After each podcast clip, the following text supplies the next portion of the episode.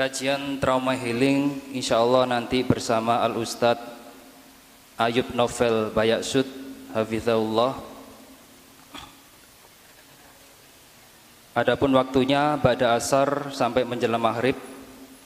Kemudian dilanjutkan dengan kajian pada maghrib sampai isya bersama Al Ustadz Ayub Novel Bayaksud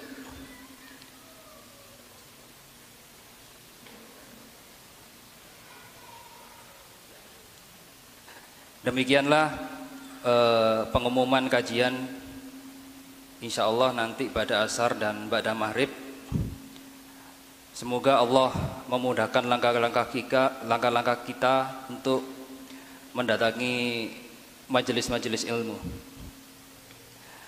Jamaah rahmani rahmakumullah. Adapun untuk khotib pada kesempatan Jumat hari ini akan disampaikan oleh Al Ustadz Ayub Novel Bayasud kepada Al Ustadz Tafadol Maskuron.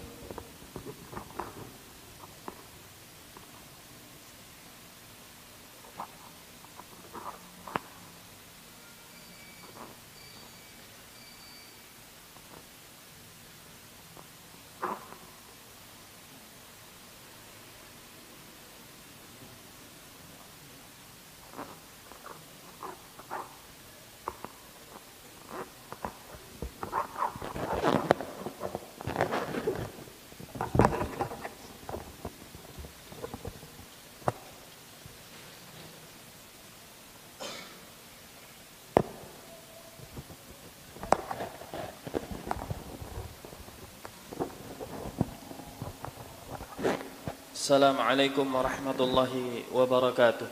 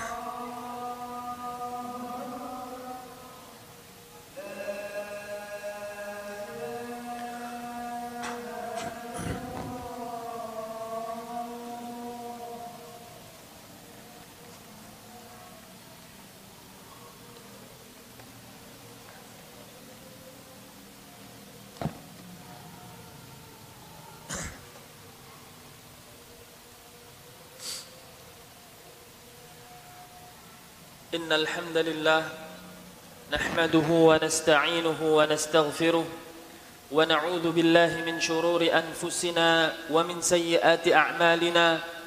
من يهده الله فلا مضل له ومن يضلل فلا هادي له. أشهد أن لا إله إلا الله وحده لا شريك له وأشهد أن محمدا عبده ورسوله. قال الله تعالى في كتابه الكريم يا أيها الذين آمنوا اتقوا الله حق تقاته ولا تموتن إلا وأنتم مسلمون. وقال يا أيها الناس اتقوا ربكم الذي خلقكم من نفس واحدة وخلق منها زوجها وبث منهما رجالا كثيرا ونساء واتقوا الله الذي تساءلون به والأرحام. ان الله كان عليكم رقيبا. يا ايها الذين امنوا اتقوا الله وقولوا قولا سديدا. يصلح لكم اعمالكم ويغفر لكم ذنوبكم. ومن يطع الله ورسوله فقد فاز فوزا عظيما. اما بعد فان اصدق الحديث كتاب الله وخير الهدي هدي محمد صلى الله عليه وعلى اله وسلم وشر الامور محدثاتها فان كل محدثه بدعه وكل بدعه ضلاله وكل ضلاله في النار جماعه sekalian ikhwah fid din sidang Jumat rahimani wa rahimakumullah Alhamdulillah kita selalu hiasi lisan kita dengan mengucapkannya di dalam rangka bersyukur kepada Allah Subhanahu wa taala atas segala nikmat yang diberikan oleh Allah Subhanahu wa taala kepada kita yang mana nikmat tersebut dikatakan oleh Allah Subhanahu wa taala wa in ta'uddu ni'matallahi la tuhsuha innal insana ladzalumun kafar jika kalian menghitung nikmat yang banyak yang diberikan oleh Allah Subhanahu wa taala niscaya kalian tidak akan mampu menghitungnya akan tetapi manusia banyak di dalam menggunakan nikmat tersebut berada di dalam kezaliman dan kekufuran. Ikhwah fiddin rahimani wa rahimakumullah. Allah Subhanahu wa taala tidak membebani kepada kita untuk selalu menghitung nikmatnya. Karena Allah Subhanahu wa taala ghaniyun hamid yaitu zat yang maha kaya yang maha terpuji. Allah Subhanahu wa taala hanya membebankan kepada kita untuk mensyukuri nikmat-nikmat tersebut. Allah Subhanahu wa taala berfirman la in syakartum la azidannakum wa la in kafartum inna adzabi lasyadid jika kalian bersyukur atas nikmat-nikmat tersebut aku akan tambah nikmatku. Dan apabila kalian kufur terhadap nikmat tersebut ingatlah bahwasanya azabku sangat pedih. Jamaah sekalian rahimani wa rahimakumullah Ketahuilah Seorang hamba yang pandai Seorang hamba yang berakal Seseorang hamba yang berakhlak mulia Adalah bagaimana dia mampu bersyukur Dan pandai bersyukur atas segala macam nikmat yang dirasakannya. Oleh karenanya Allah subhanahu wa ta'ala Membebankan kepada kita Ya ayyuhan nas U'budu rabbakumul ladhi khalaqakum. Yaitu sembahlah Allah subhanahu wa ta'ala yang di situ Allah Subhanahu wa taala yang menciptakan kalian walladzi khalaqakum dan yang menciptakan orang-orang sebelum kalian. Walladzina min qablikum dan orang-orang sebelum kalian. La'allakum tattaqun supaya kalian bertakwa. Ketahuilah jamaah sekalian rahimani wa rahimakumullah di dalam kita bersyukur kepada Allah Subhanahu wa taala puncak dari rasa syukur adalah ziyadatut taqwa yaitu menambah ketakwaan kita kepada Allah Subhanahu wa taala. Dengan ketakwaan kita tersebut kita berharap bahwasanya Allah Subhanahu wa taala melipat gandakan nikmat yang sudah kita rasakan baik nikmat kecukupan dunia kita atau nikmat yang terbesar yaitu nikmat hidayah. Jamaah sekalian rahimani wa rahimakumullah. Pada zaman terdahulu para ulama salaf di antara mereka banyak sekali menasihatkan hal-hal yang terpenting di antara mereka selalu mewasiatkan satu dengan yang lainnya akan pentingnya yaitu hal-hal yang penting untuk diperhatikan oleh kita seluruh kaum muslimin. Di antara nasihat mereka yang ditulis oleh Al-Imam Ibnu Abid Dunya di dalam kitabnya Al-Ikhlas wa asnadaha an Ma'qil an Ubaidillah Al-Jazari. Dan disanatkan disandarkan kepada Ma'qil ibn Ubaidillah Al-Jazari. Beliau mengatakan kanatil ulama idza iltaqau tawasau bihadhil kalimat. Terdahulu para ulama apabila mereka saling bertemu mereka selalu mewasiatkan terhadap beberapa kalimat berikut ini. Wa idza ghabu kataba biha ba'duhum ila ba'din. Apabila mereka tidak bertemu mereka saling menuliskan satu dengan yang lainnya. Annahu man aslaha sariratahu aslahallahu ala niyatahu bahwasannya wasiat yang pertama adalah barang siapa yang memperbaiki kondisinya di saat sendiri Allah Subhanahu wa taala akan memperbaiki kondisinya di saat dia bersama dengan makhluk yang lainnya, di saat ada keramaian. Kemudian wasiat yang kedua, "Wa man aslaha ma bainahu wa bainallah, aslahallahu ma bainahu wa bainan nas." Barang siapa yang menjaga hubungannya kepada Allah Subhanahu wa taala, Allah akan menjaga hubungannya antara di antara manusia. Barang siapa yang lebih memprioritaskan ihtamma bi akhiratihi kafahullahu amrad dunya dan barang siapa yang mengutamakan akhiratnya Allah akan cukupkan urusan dunianya. Jamaah sekalian rahimani wa rahimakumullah. Nasihat ini adalah nasihat dari rangkuman seluruh syariat Islam. Nasihat ini layak bagi kita untuk kita tulis dengan tinta emas yang kita torehkan di dalam hati kita karena nasihat-nasihat ini adalah nasihat yang bermanfaat bagi kehidupan dunia kita dan kehidupan akhirat kita. Ma'asyiral muslimin, ikhwah rahimani wa rahimakumullah. Nasihat yang pertama dikatakan barang siapa yang menjaga atau memperbaiki kondisi sendirinya yaitu bahwasanya manusia ketika dia bersendiri sangat berpeluang untuk melakukan dosa kepada Allah Subhanahu wa taala di saat dia sendiri seakan-akan tidak ada yang melihatnya dari manusia yang dia segani. Di saat dia sendiri syaitan sangat berpeluang besar untuk mengganggunya. Dan di saat dia sendiri dia merasa yaitu privasinya terjaga. Jamaah sekalian rahimani wa rahimakumullah. Ketika di dalam kondisi seperti ini, seseorang menjaga kebaikannya dengan Allah Subhanahu wa taala, yaitu selalu menjaga ketakwaan kepada Allah Subhanahu wa taala, tidak bermaksiat di saat sendirinya, aslahallahu ala niyatahu. Maka Allah akan jaga privasinya ketika dia bersama dengan orang banyak. Allah akan jaga aibnya, Allah akan tutup aibnya, bahkan Allah akan angkat derajatnya. Allah akan sebut-sebut dia di hati manusia sehingga manusia pun mencintainya. Ikhwan fiddin rahimani wa rahimakumullah. Allah Subhanahu wa taala berfirman Man khasyiyar rahmana bil ghaib wa jaa biqalbin munib tentang sifat ahlul, ahlul jannah orang yang masuk ke, ke dalam surga Allah Subhanahu wa taala di antaranya alladzina yakhshawna rabbahum bil ghaib atau man khasyiyar rahmana bil ghaib yaitu orang-orang yang takut kepada Allah Subhanahu wa taala di saat sendiri. Ini adalah sifat dari Allah Subhanahu wa taala bagi penduduk surga. Bahkan Allah Subhanahu wa taala melalui lisan mulia Nabi Muhammad sallallahu alaihi wasallam menyebutkan beberapa golongan yang akan dilindungi oleh Allah Subhanahu wa taala pada hari kiamat.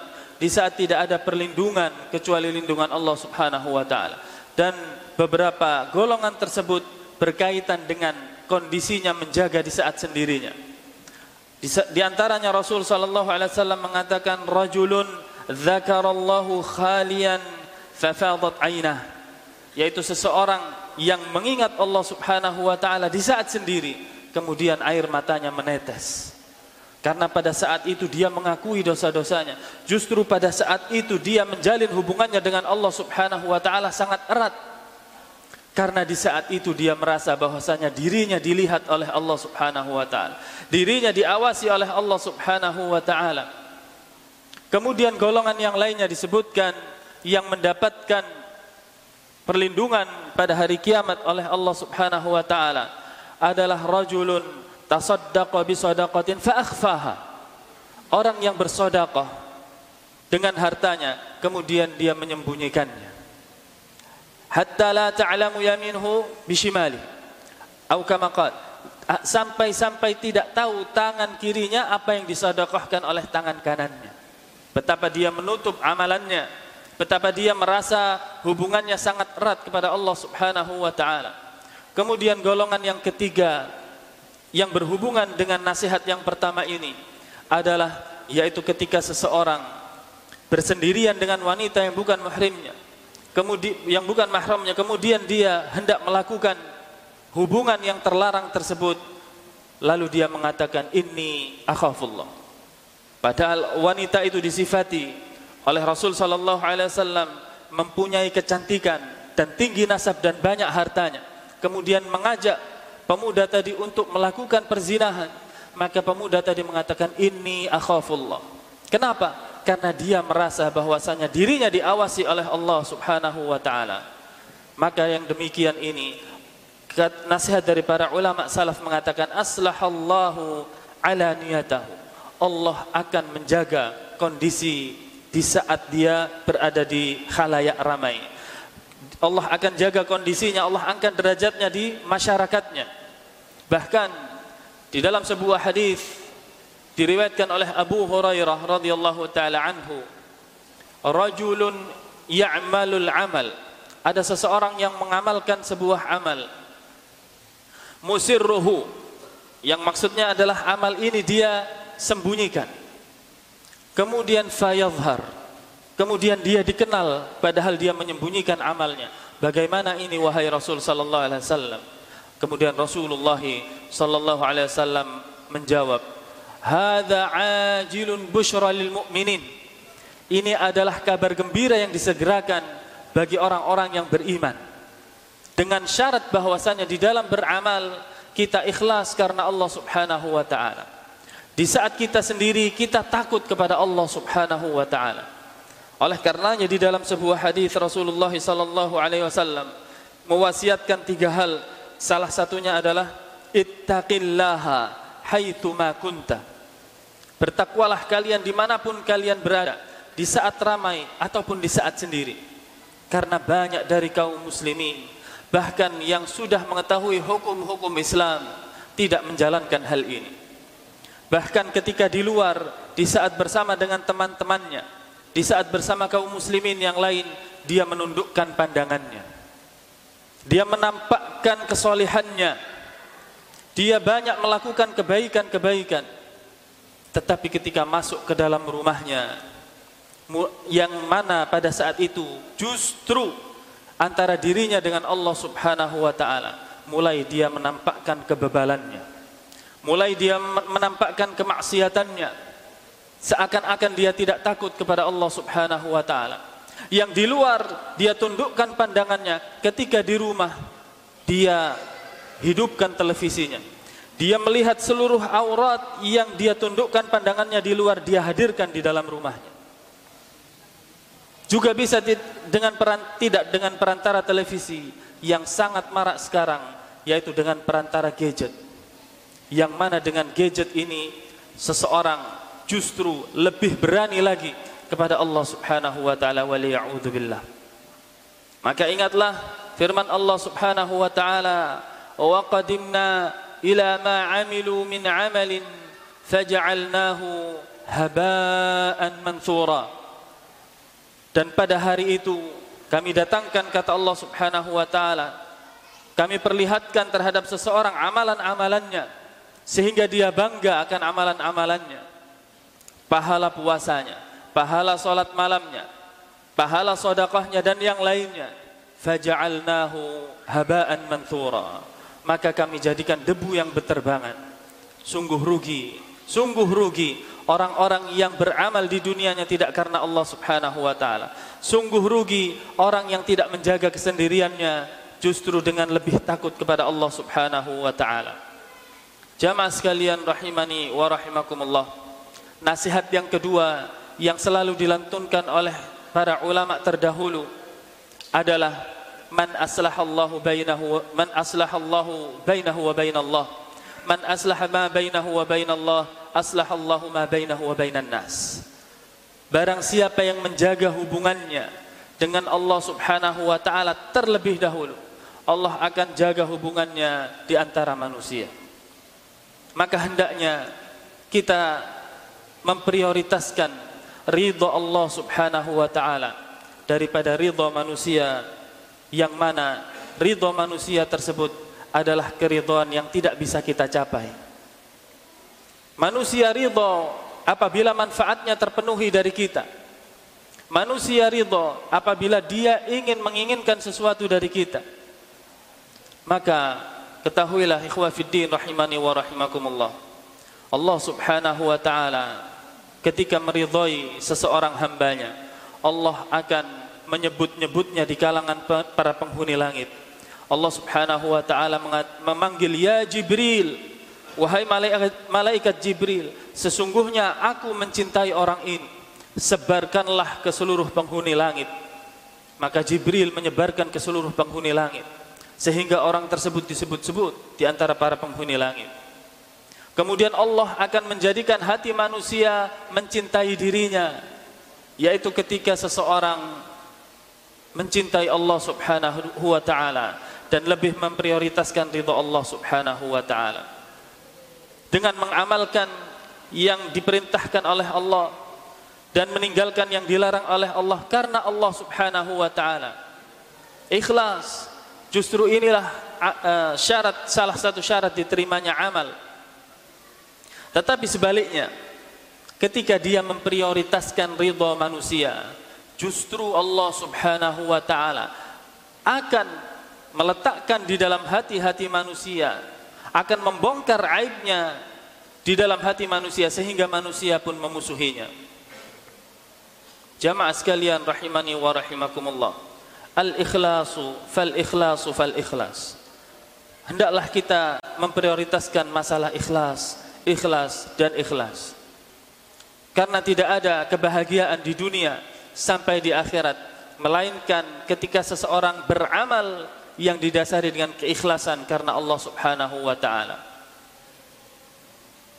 Allah Subhanahu wa taala berfirman di dalam akhir surat Al-Kahfi, "Faman kana yarju liqa'a rabbih falyamal 'amalan salihan wa la yusyrik bi'ibadati rabbih ahada."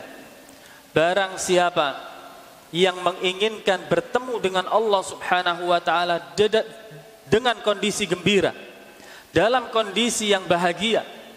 Falyamal amalan saliha maka hendaknya dia beramal saleh. Artinya adalah amal saleh amal yang benar yang sesuai dengan contoh dari Nabi Muhammad sallallahu alaihi wasallam. Falyamal amalan saliha wala yusyrik biibadati rabbih ahada dan tidak menyekutukan Allah Subhanahu wa taala sedikit pun di dalam amalnya. Aqulu qawli hadza wa astaghfirullah li wa lakum wastaghfiruhu innahu huwal ghafurur rahim.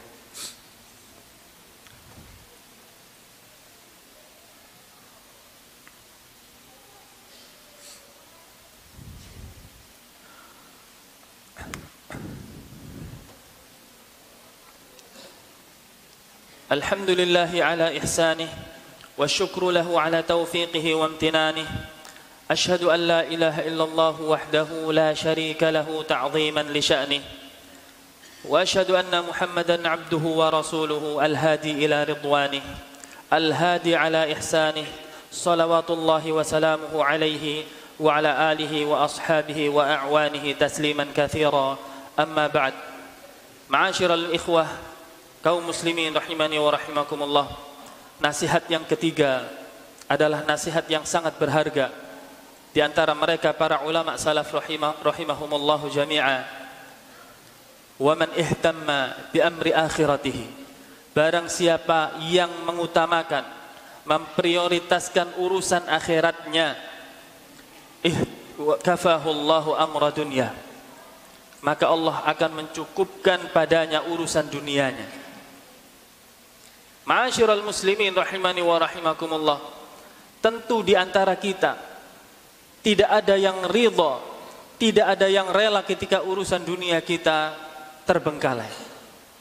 Tentu kita mengharapkan seluruh urusan kita tertata dengan sempurna. Maka ingatlah hadis Nabi sallallahu alaihi wasallam. Barang siapa man hamma barang siapa yang niat terbesarnya adalah untuk mencari dunia. Maka Rasul sallallahu alaihi wasallam mengatakan Allah akan cerai beraikan urusannya. Kemudian Allah akan tampakkan kefakiran di hadapan matanya. Dan Allah tidak akan tambah rezekinya kecuali yang telah ditulis untuknya. Sebaliknya, barang siapa yang memprioritaskan urusan akhiratnya, jama'allahu syamlahum. Allah akan mempersatukan seluruh urusannya. Allah mempermudah seluruh urusannya. Kemudian Allah Subhanahu wa taala akan cukupkan hatinya yaitu merasa cukup atas segala rizki yang diberikan oleh Allah Subhanahu wa taala. Allah akan cukupkan dirinya. Kemudian tidaklah dunia datang kepadanya melainkan dunia tersebut datang secara hina. Ma'asyiral muslimin rahimani wa rahimakumullah.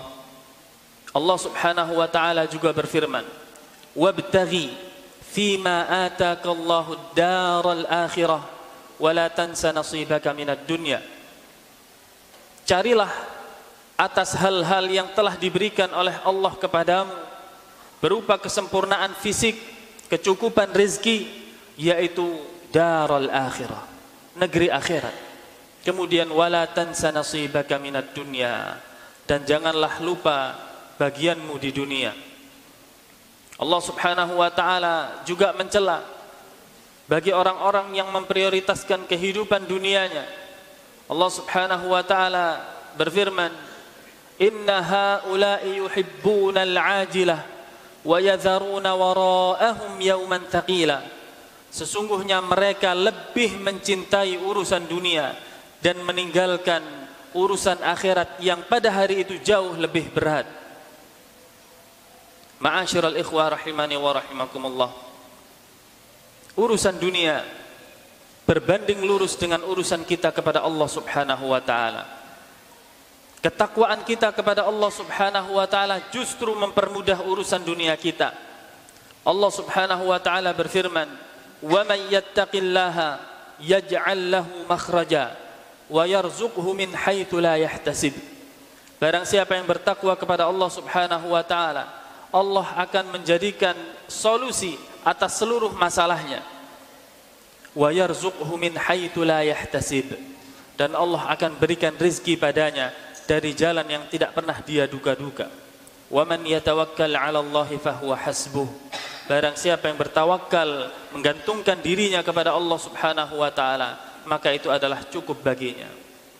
Maka benarlah seluruh nasihat para ulama salaf tersebut dan hendaklah kita torehkan di dalam hati kita dengan tinta emas supaya kapan pun di mana pun kita selalu mengingat-ingatnya yaitu yang pertama barang siapa yang menjaga kondisi sendiriannya kepada Allah subhanahu wa ta'ala untuk tidak bermaksiat Allah akan jamin derajatnya atau kehormatannya di antara manusia kemudian barang siapa yang memperbaiki hubungannya dengan Allah subhanahu wa ta'ala Allah akan perbaiki hubungannya di antara manusia. Dan barang siapa yang memprioritaskan urusan akhirat, Allah akan cukupkan dunianya. Inna Allah wa malaikatahu yusalluna ala nabi. يا أيها الذين آمنوا صلوا عليه وسلموا تسليما. اللهم صل على محمد وعلى آل محمد كما صليت على إبراهيم وعلى آل إبراهيم وبارك على محمد وعلى آل محمد كما باركت على إبراهيم وعلى آل إبراهيم. إنك حميد مجيد. اللهم اغفر للمسلمين والمسلمات والمؤمنين والمؤمنات الأحياء منهم والأموات. إنك سميع قريب مجيب الدعوات. ربنا لا تجعل مصيبتنا في ديننا ولا تجعل الدنيا أكبر همنا ولا مبلغ علمنا. ربنا لا تزغ قلوبنا بعد إذ هديتنا وهب لنا من لدنك رحمة إنك أنت الوهاب. ربنا ربنا اغفر لنا ذنوبنا ولوالدينا وارحمهم كما ربونا صغارا. ربنا آتنا في الدنيا حسنة وفي الآخرة حسنة وقنا عذاب النار. اللهم آمنا في أوطاننا وأصلح أئمتنا وولاة أمورنا. اللهم إنا نسألك الهدى والتقى والعفاف والغنى. اللهم إنا نسألك علما نافعا ورزقا طيبا وعملا متقبلا. وصلى الله على محمد وعلى آل محمد. والحمد لله رب العالمين. أقيموا الصلاة.